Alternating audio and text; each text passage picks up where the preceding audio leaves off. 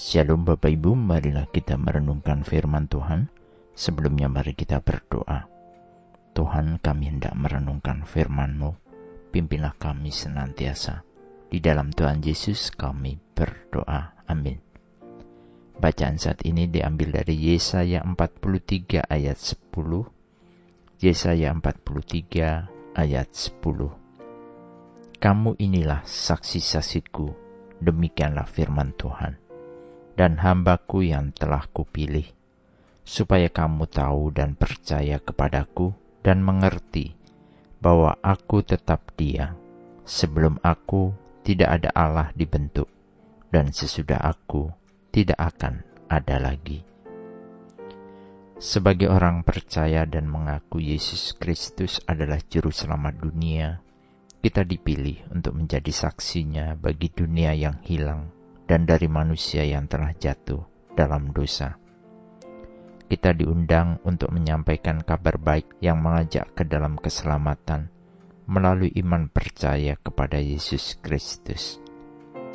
Anugerah keselamatan yang kita terima dan alami menjadikan kita saksi bagi dunia bahwa tidak ada jalan lain menuju kepada Bapa tanpa melalui Yesus Kristus.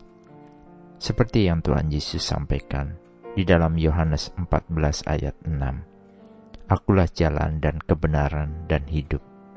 Tidak ada seorang pun yang datang kepada Bapa kalau tidak melalui aku. Sebagai saksi berarti kita hendaknya mengenal betul sebelum kita mempersaksikan. Seseorang yang ragu tentunya tidak bisa menjadi saksi, karena kesaksian yang diberikan haruslah meyakinkan dirinya terlebih dahulu sebelum memperkatakannya apa yang dilihat, apa yang dialami, dan apa yang dirasakan. Setiap hal dalam kehidupan ini bisa menjadi kesaksian kita tentang Tuhan yang baik, Tuhan yang berbelas kasih, Tuhan yang menuntun kehidupan kita. Hidup baru di dalam Kristus senantiasa membawa perubahan di dalam diri kita dalam menjalani kehidupan ini. Kita bisa merasakan hadirat Tuhan berkarya di dalam kehidupan kita senantiasa, baik itu di dalam kesusahan kita ataupun di dalam kesukacitaan kita. Tuhan yang menyertai kita, Tuhanlah yang mengajar kita bagaimana kita mengenal Dia yang menghidupi kita. Untuk hal itu, kita diundang terus untuk hidup kudus berdoa, membaca, dan merenungkan firman-Nya, supaya kita senantiasa siap menjawab ketika kita menjadi saksinya.